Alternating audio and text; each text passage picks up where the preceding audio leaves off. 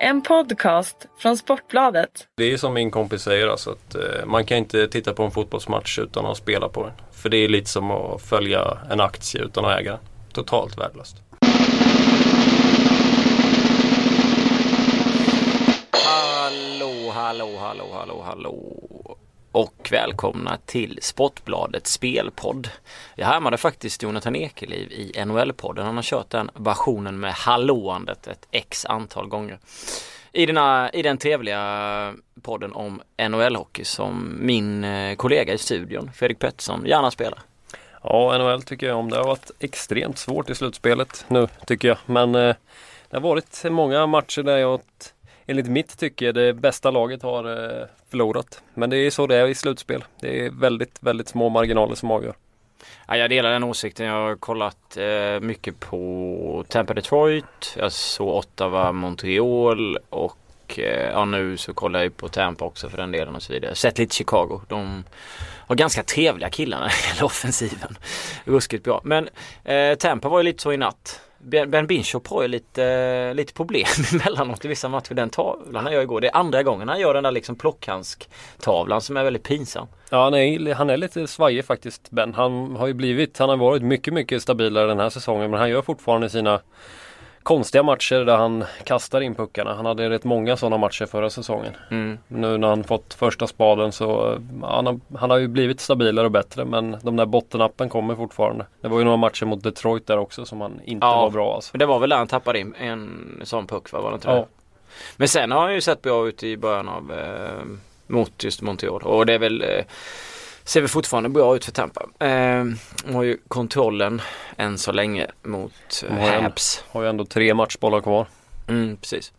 Men eh, vi kommer till henne lite senare i podden. Vi börjar som vanligt med Stryktipset där omsättningen just nu är strax under 7 miljoner kronor. Det är en kupong som är uppdelad på hälften Premier League, eh, en allsvensk fotbollsmatch och sen eh, lite lägre divisioner i, i Sverige. En eh, knivig situation där jag personligen, tog, personligen kommer köra på ganska få tecken i PL och gardera desto mer i de lägre svenska divisionerna.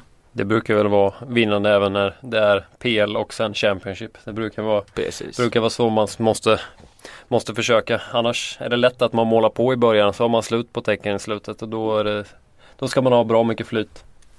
Ja precis. Det beror ju på om man har en riktigt fet plånbok så kanske man målar hela vägen ner. Ja så kan man göra. Då kan man ju köra hel, helböjar eller vad man säger där ute i landet lite överallt. Men eh, nej, personligen så är det också så att jag tar hellre mindre streck i början på de här eh, det har ju visat sig att vi har ju faktiskt ganska bra statistik på just Premier League och eh, så då är det väl klassiskt. Vi har ju inte lika bra statistik på svensk fotboll om man kollar vår spreadsheet. Så då ska vi nog ödsla strecken eh, där nere på kupongen.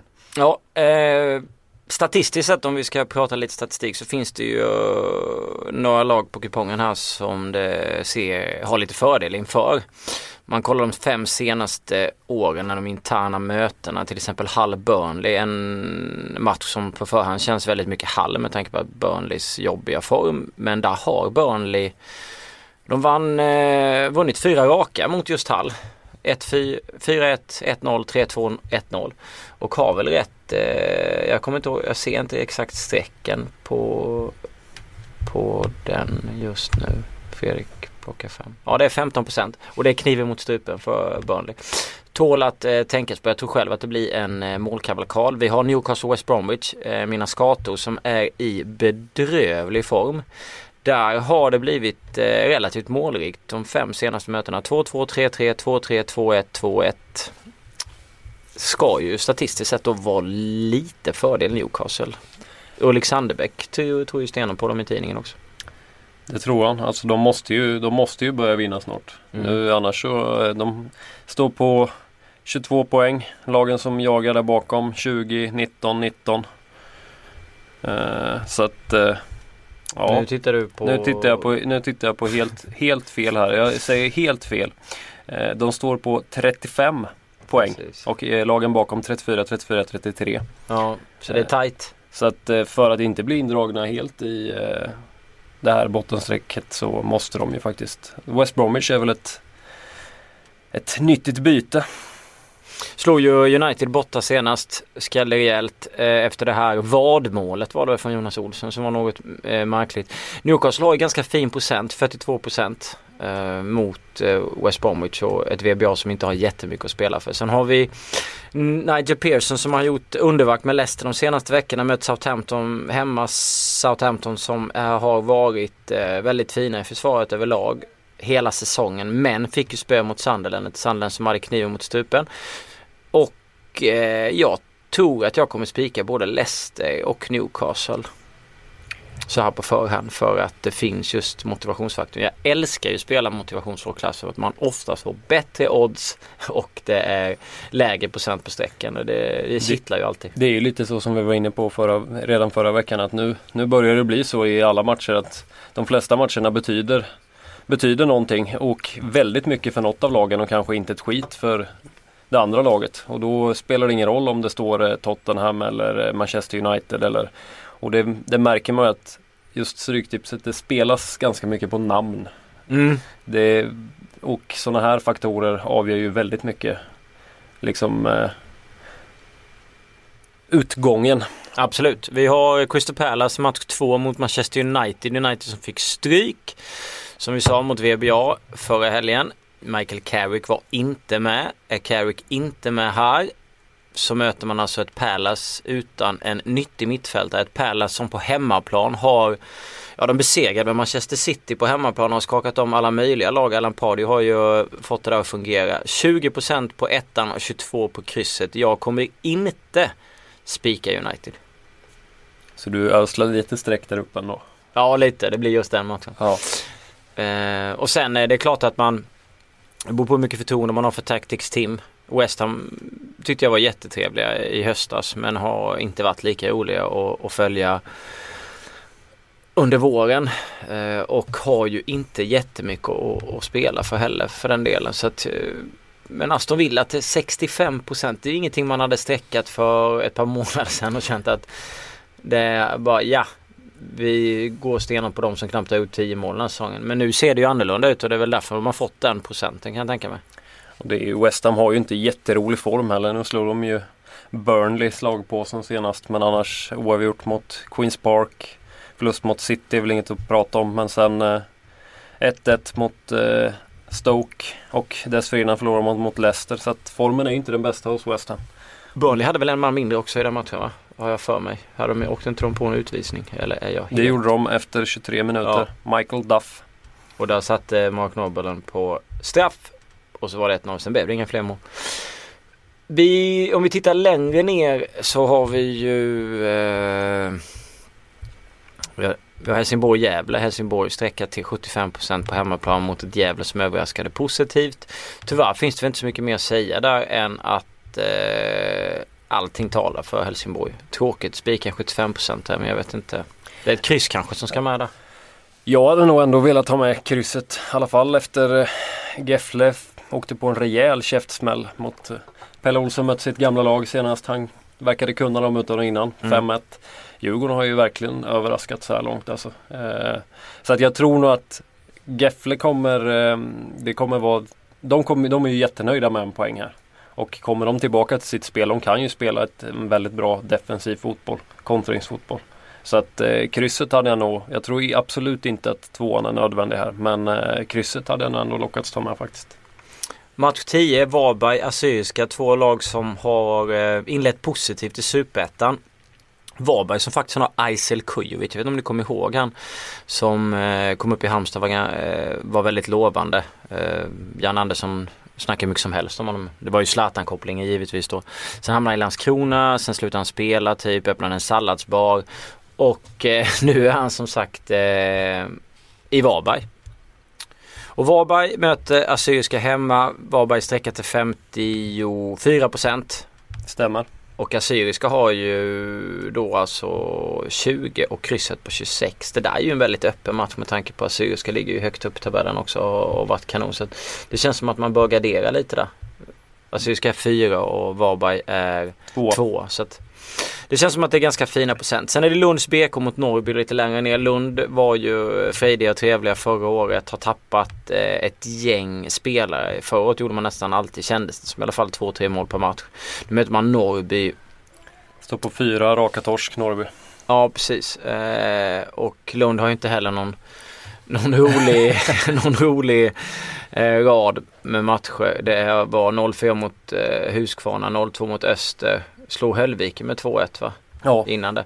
Men det känns lite så här kryss, eh, kryssvarning där lite så här. Tycker det känns ganska mycket kryssvarning här det var fyra lag som eller två lag som på de fyra senaste. Det är Lund som har en seger. Annars är det Mm. idel, idel torsk. Det känns samma sak där. Jag tror att det är två lag med ganska dåligt självförtroende som nog framförallt kommer vilja sätta det defensiva spelet. Eh, så att man kan få, vi får nog inte se en jätterolig match. Och krysset till 25% tycker jag känns jättebra. Lund känns något överstreckat till 47%. Ja. Man får tänka på att de har, de har som sagt tappat väldigt många spelare inför den här säsongen. Ja. Klassiska Degerfors, match nummer 8 har inlett eh, positivt. Ligger väl 4-5 i eh, Superettan även om det inte har gått sådär många matcher. Men man trivs eh, bättre borta än hemma. Man har eh, ett eh, kryss och en torsk hemma har tre segrar borta. Möter IK Frej som blandar och ger ganska rejält. Det är kryss och torsk och vinster. Så där. Det är lite svårt att veta vad som ska hända där.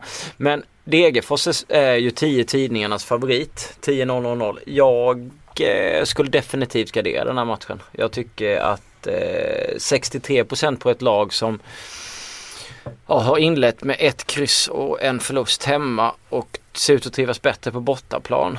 Och man inte riktigt vet vad man har den här säsongen även om man inlett eh, fint i början så tycker jag att man borde gardera. Man kanske, ja, jag vet inte, jag ska sitta och säga att jag kommer ta bort Degerfors helt även om jag personligen är väldigt sugen på det. Men eh, Jag tror att du kommer köra en klassisk 1-2. ja lite så. Man vill spela kryss 2 men, man, men det, hamnar, det hamnar på en 1-2 istället. Det är ju kul för att man lever ju alltid länge med en 1-2. Ja, Du lever in i det sista. Drömmen är när det står 0-0 och det är 10 kvar och du har bara en match kvar så sitter du där med din gaffel. Nej men eh, som sagt Frej det har ju Frej har ju kapacitet och de slog ju Nu Ängelholm är väl, kommer väl bli en slagpåse i den där serien men Mm. 4-0 borta. Och eh, som du säger Degerfors kan ju vara ett sånt lag som Det är vissa lag som har lite svårare på hemmaplan när man plötsligt måste föra matchen lite mer. Ja. Eh, så att eh, Samtidigt har ju Face tappat ett par gubbar sen förra året och, och så vidare. Sådär. Det, är, det är lite klurigt. Superettan tycker jag är, det är väldigt svårt. Man hinner inte lägga lika mycket tid på den som man gör på vissa andra serier. Så jag ska inte sitta och säga att jag är en tokexpert. Men det är som Utsikten BP också. BP har problem med målskyttet, eh, har skador och annat. Möter Utsikten på bortaplan som hade väl, Utsikten hade väl rätt trevlig inledning av, eh, av, alls, eller av, av Superettan. Slog väl, eh, jag kommer inte ihåg vilka de vann men, men de, jag får mig att de började rätt bra. vann de inte mot eh, Degerfors just som vi pratade om.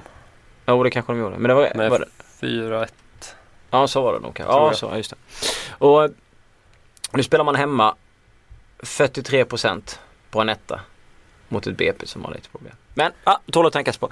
Vi, eh, hur som helst, jag tycker att eh, de bästa tecknen på förhand är eh, Newcastle, helgardera Varberg Syriska, den är fin va. Eh, och eh, sen får man väl säga, se upp för IK Frej, ha absolut med Palace. Och spika inte Hall. Nej, Hall skulle jag nog heller inte spika faktiskt. Nej. Inte, mot, eh, inte med de förutsättningarna. Sen så tror jag att jag ser match 6. Stoke har inte jättemycket att spela för. Jag tycker Tottenham gjorde ingen jättedålig match senast mot City. Det var Harry Kane var ganska ineffektiv. Så jag tror ju att Tottenham har ganska bra chans i den här matchen även om inget av lagen har något sådär speciellt att spela för. Och till 45% tycker jag Mm. det är en ganska trevlig spik faktiskt. Stoke lär vinna hörnorna. Så nu kanske vi kan... Men eh, vi släpper strikan.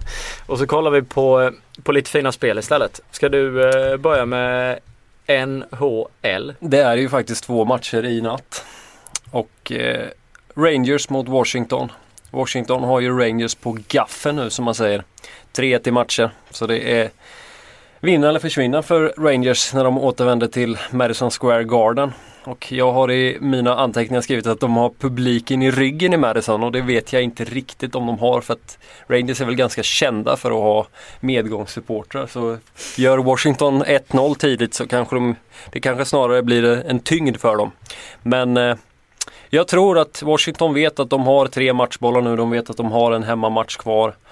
De spelar nog mer avslappnat och kommer möta ett väldigt desperat Rangers nu. Som jag tycker har gjort det bra även i de match, två senaste matcherna som de har förlorat. Eh, var väldigt bra senast. Det var Burakovsky som avgjorde med två mål men eh, Framförallt så är det Holtby mycket som har stoppat. De vaskar fram mycket farliga lägen men han har storspelat i match efter match. Eh, men nu som sagt ett Rangers som, kom, som vet att det är nu, nu eller aldrig. Jag tror att de kommer nog tvinga fram en, eh, en eh, femte match. Alltså, Eller sjätte match. Capitals spelar mycket smartare än vad Penguins gjorde. Och jag tror att Rangers, eh, de fick väldigt mycket gratis mot Pittsburgh. Det var mycket dumma utvisningar. De hade mycket försvarsskador. Eh, den här backuppsättningen som eh, Pittsburgh har, man, man darrar ju inte av den liksom. Och när Rangers körde på det kändes som att de var typ 7-8 på isen emellanåt. Bröt passningar överallt och hade mycket energi. Och publiken i ryggen när det gick bra, precis som du var inne på. Alltså första matcherna mellan Rangers och Washington i Madison, kändes det som att det inte var en människa på, det i var, publiken. Det var liksom. helt tyst. Ja. Det var, och jag, jag var själv och såg en slutspelsmatch där för några år sedan. Eh, det var åttondelsfinal mot Ottawa. Ottawa vann med 2-0. Det var helt tyst och Mm. jag var så besviken för att det var min första NHL-match och jag tyckte att är det här stämningen? Men det, de är ganska kända för det att när det går dåligt så är det väldigt tyst där. Det var lite som när jag såg Florida Washington då. I Florida. Jag bara kände alltså vad är människorna? Panthers liksom. oh shit. Ja. Nej men som sagt Washington har ju under eh, Barry Frost har gjort det väldigt bra, Ja, nya tränaren. Eh, de framförallt så spelar ju de de är ju nästan bättre defensivt nu än vad de Han har är. han har ju förtråkat eh, Washington. Han har förtråkat Washington men de har ju fortfarande kvar sin vassa offensiv så i omställningarna så är de fortfarande väldigt farliga. Mm. Och eh, Bäckström spelar bättre än på väldigt, väldigt länge. Han är så smart. Och, På nyttfödd. Ja, på nyttfödd. Nej men eh, den, eh, det Men som sagt, nu är, nu är det Rangers vi pratar om och jag tror att Rangers har inte dåliga de har ingen dålig offensiv heller och Rick Nash och San Louis väldigt bra senaste Absolut. matchen. Det kommer lossna. Sen tror jag att Washington ändå tar det till slut. 3-1 i matcher. 1-3 matcher är väldigt svårt att vända men jag tror att de tvingar fram en match till i alla fall. Och eh, någon serie där jag tror det tar slut är Calgary-Anaheim. Eh, Calgary tvingade ju fram, för att inte bli svepta senast så eh, gjorde de, lyckades kvittera med 20 sekunder kvar. Eh, och eh, vann sedan sedermera i förlängning. Men eh, Anaheim drog på sig alldeles för mycket utvisningar senast eh, och det straffade sig till slut. Eh, som sagt, de kvitterade med 20 sekunder kvar men annars, överlag, annars så var det ingen sådär jättedålig insats av Anaheim. Man tycker man såg även i den matchen att Anaheim är mycket tyngre, mycket starkare. De är giftigare när de kommer in i anfallszon och sen tycker jag framförallt att de har en väldigt mycket bättre målvakt i Fredrik Andersson. eh, Riktigt bra. gentemot Kari Ramo. Som, eh, ja, lite som Ben Bishop. Han kan göra en bra match men han kan också göra en eh, ganska dålig match. Och sen, sen är det ganska svårt när Getzlaff och Perry och de drar upp tempot. Man kan inte klandra honom för sådär jättemånga av målen heller. Eh, men eh, som sagt, jag trodde nog att eh, Anaheim skulle svepa Calgary. Men jag tror att de får nöja sig med en match. Tvåan ger 2.25 Mm. Och av, av de matcherna som har spelats hittills så tycker jag att det är ett väldigt bra odds. För att jag tror att Anaheim har väldigt stor chans att ta hem det här med 4-1 i matcher. Jag fick faktiskt, eh, jag spelade ML, jag antar att det är rakt. Du har Det spelat, rakt. ja, jag fick 1,77 eh, i förrgår. Jag spelade den i dubbel med Sevilla. Som bara tryckte sönder Fiorentina i, med 3-0. Sevilla ser ju faktiskt ut att vinna Europa League för att bara helt plötsligt byta ämne. Eh, NHL Det var Eh, NHL. Känns, jag tycker Duck känns fantastiska. Rangers Washington på förhand så är det väl det jag också skulle ha spelat även om den är knivig alltså. Den är Men knivig. 2-10 är så pass bra hemma på, på man Jag tycker att- med de förutsättningarna som råder nu så är 2-10 ganska högt. Jag hade förväntat mig att den skulle ligga på 1,90 ungefär. Mm. Så att eh, därför tycker jag ändå att det Hey, I'm Ryan Reynolds. Recently, I asked Mint Mobile's legal team if big wireless companies are allowed to raise prices due to inflation. They said yes. And then when I asked if raising prices technically violates those onerous two year contracts, they said, What the f are you talking about, you insane Hollywood ass? So to recap, we're cutting the price of Mint Unlimited from $30 a month to just $15 a month. Give it a try at mintmobile.com slash switch. $45 up front for three months plus taxes and fees. Promo for new customers for limited time. Unlimited more than 40 gigabytes per month. Slows. Full terms at mintmobile.com. Rymmer, rymmer ganska mycket värde även om som du säger det är, det är väldigt, har, har varit en väldigt tight serie och jag tror inte att vi kommer få någon 4-1, 5-2 seger här utan det kommer bli uddamålsvinst eller eh, det kommer bli tight och tillknäppt. Men jag tror ändå att Rangers tar det till slut.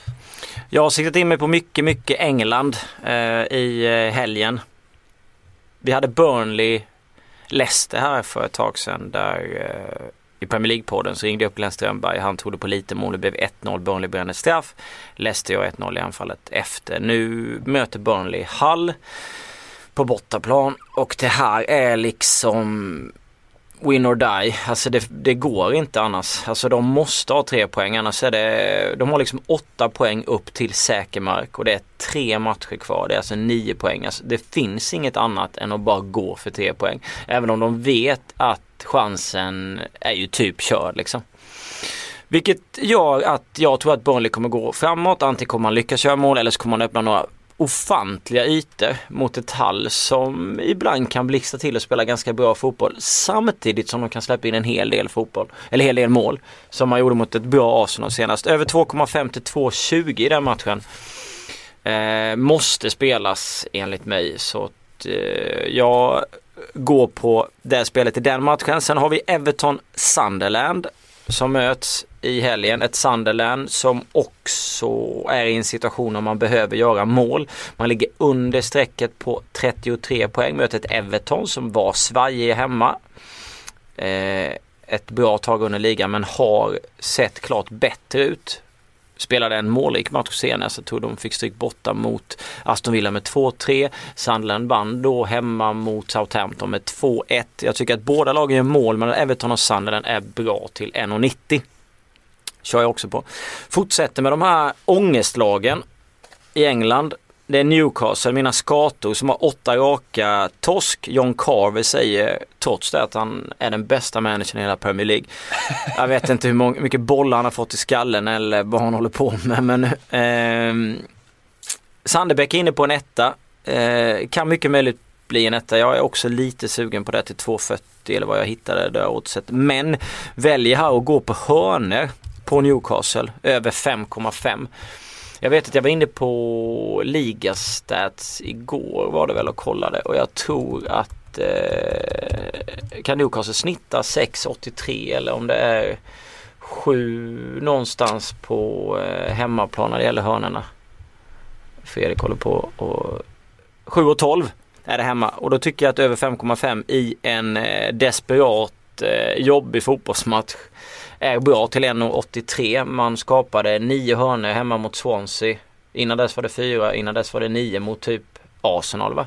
Man skapade nio mot Aston Villa och så vidare. Så att, över 5,5 på Newcastle känns kanon. Och den sista engelska matchen innan jag ska passa över till Fredrik blir Chelsea hemma mot Liverpool. Chelsea har ju vunnit ligan, har inte så mycket att spela för. Liverpool har väl en liten chans att nå en CL-plats Men då får man ha en då ska man ha tur med de Ja, då ska man ha flyt. Också. Ja, och eh, jag tror inte att de eh, räcker till här trots att de har motivationen. Så här går jag emot snacket om motivation och hela den grejen och går helt enkelt på Chelsea. Skulle, eh, alltså de är så skickliga defensivt. Skulle liksom Liverpool gå framåt kommer det öppna sig ytor och ja, då kan det smälla rätt så bra. Så att jag väljer att spela Chelsea. Jag hittade, till, eller jag har spelat det till 2.05. Jag har spelat en femling här, jag har en match kvar.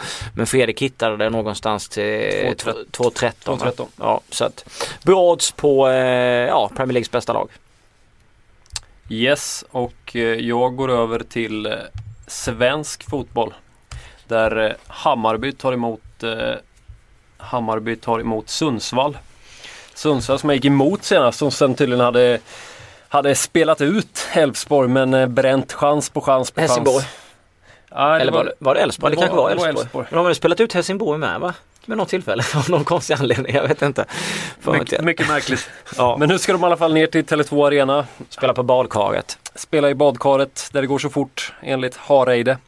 Eh, och eh, mycket hänger på om Kennedy är tillbaka i Hammarby.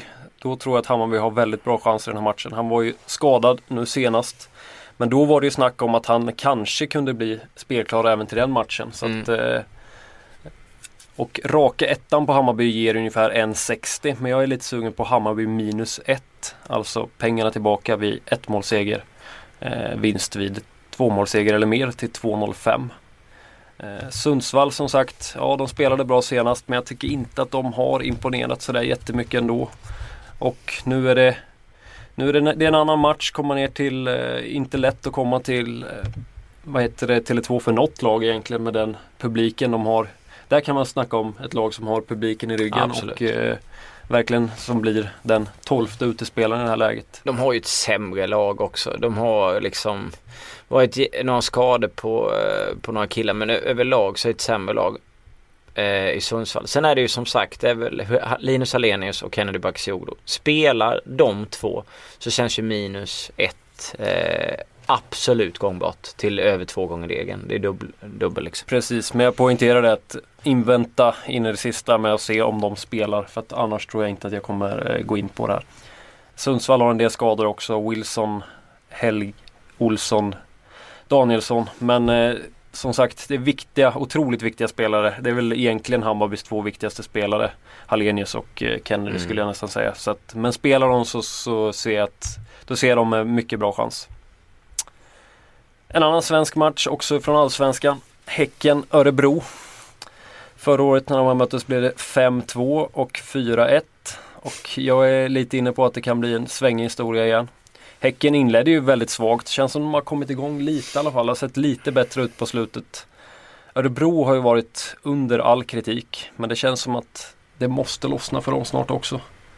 Eh, de har ju blivit nollade. Jag vet inte hur många matcher de har blivit nollade men det har ju sett det har sett riktigt, riktigt risigt ut i Örebro. Alltså Nordin Gerzic är ju en bra fotbollsspelare men han är ju samtidigt en humörspelare och, och eh, när, om, han, om det funkar och de skulle vinna fotbollsmatcher så skulle han ju säkert vara en av de bästa mittfältarna i Allsvenskan. Men när det inte funkar då, då blir det lite tyngre. Sen saknar man ju, man ju Kamara också, han är inte med. Och med de två spelarna och att de andra inte presterar på, på den nivån som man vill då är det inte så roligt i Örebro. Och de bjuder på så mycket mål också och ta sådana skitbeslut egentligen ut sagt i, i försvarsspel och på mittplan, tappa boll. Det Ja, han, har alltså, ingen, jag- han har ingen rolig uppgift, Oskar Jansson längst bak. Alltså, han, har inte, han, kan inte, ha- han har inte behövt lastas för sådär jättemånga målen. För det är som sagt, de tar väldigt konstiga beslut Ja, och släpper Absolut. Jag, jag är besviken på Örebro. Ja det är också. Jag trodde att de skulle, jag hade faktiskt inför säsongen så trodde jag att de skulle vara ett av de här uppstickarlagen som Mm. skulle vara med uppe i, ja till och med fjärde, femte plats.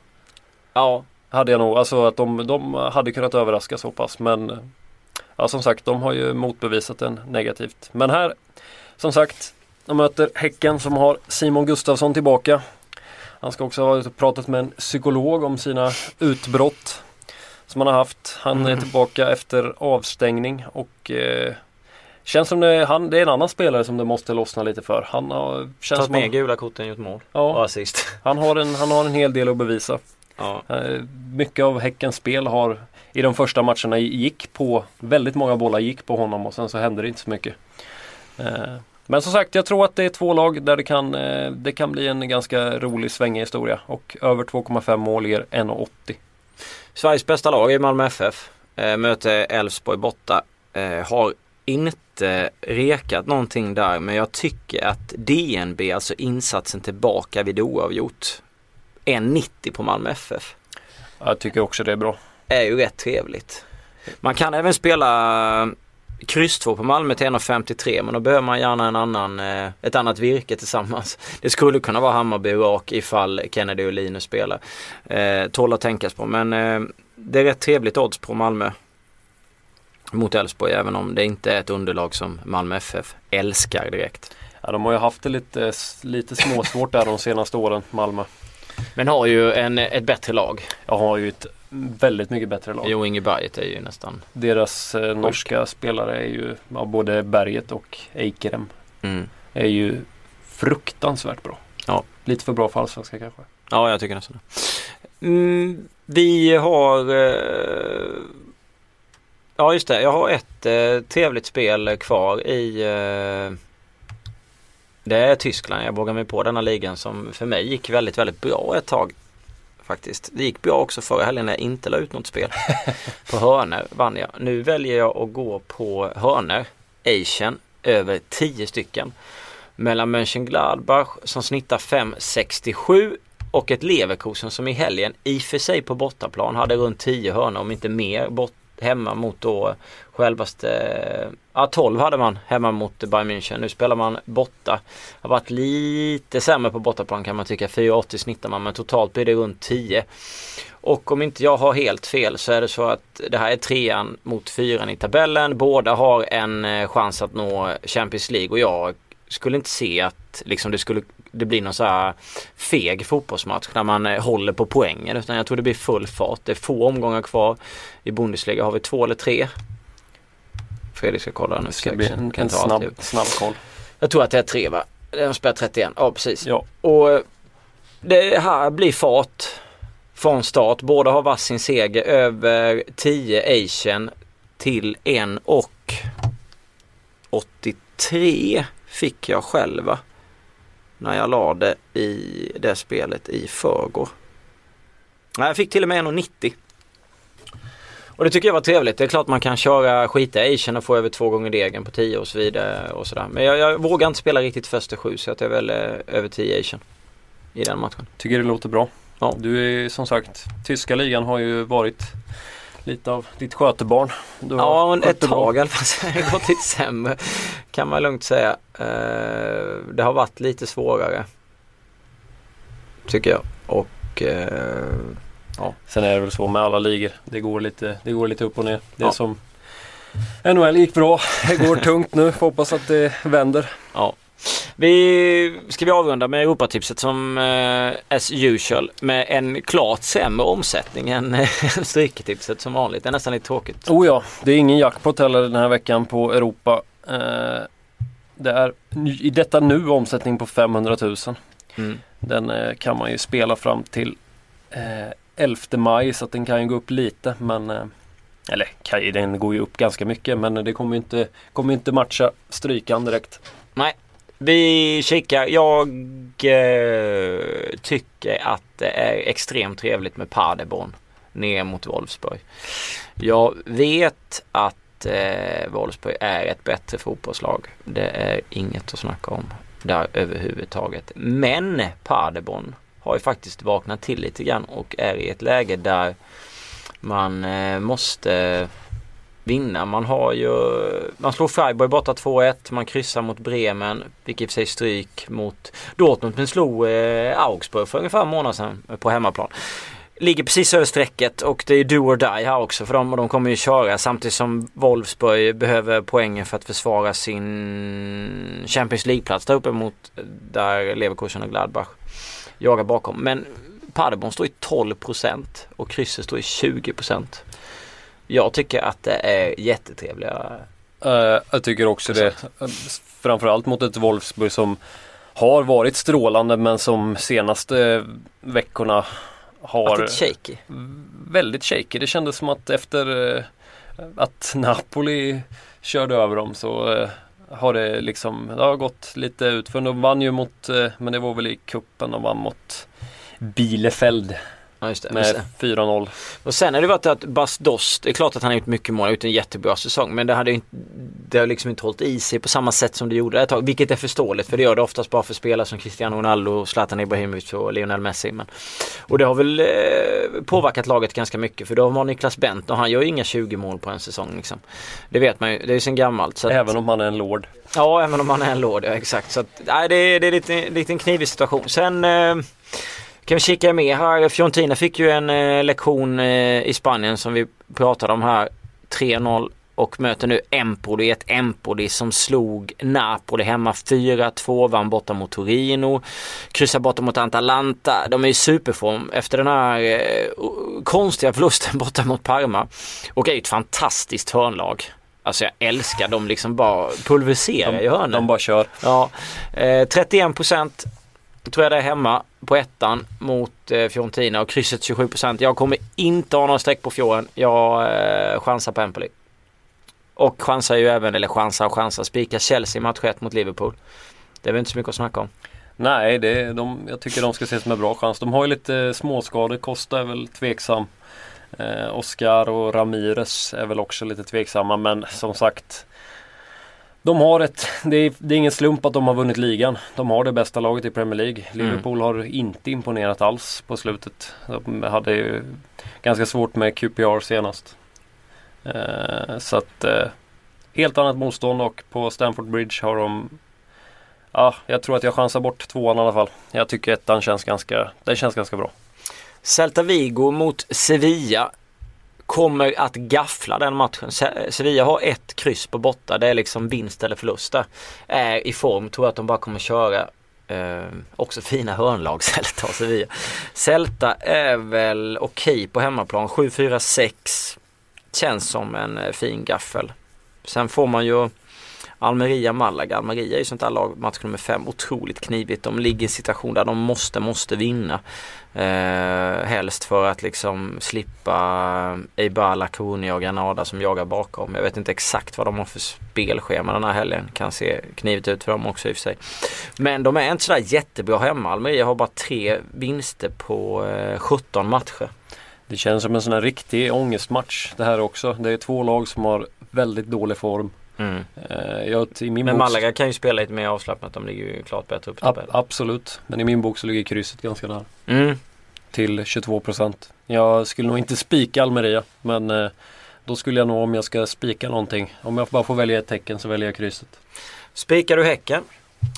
Mot Örebro. 78 procent. Nej det gör jag inte. Det är helt sjukt mycket. Det gör jag inte. Jag tror som sagt på en eh, lite revolvermatch där som kan gå lite hur som helst faktiskt. Eh, nu har ju Häckens målvakt har ju varit väldigt bra. Han räddade väl två straffar mot Halmstad bland annat. Men eh, eller Halmstad missade två straffar han, Halmstad missade två straffar. Han, han hävdade, hävdade själv att han läste dem.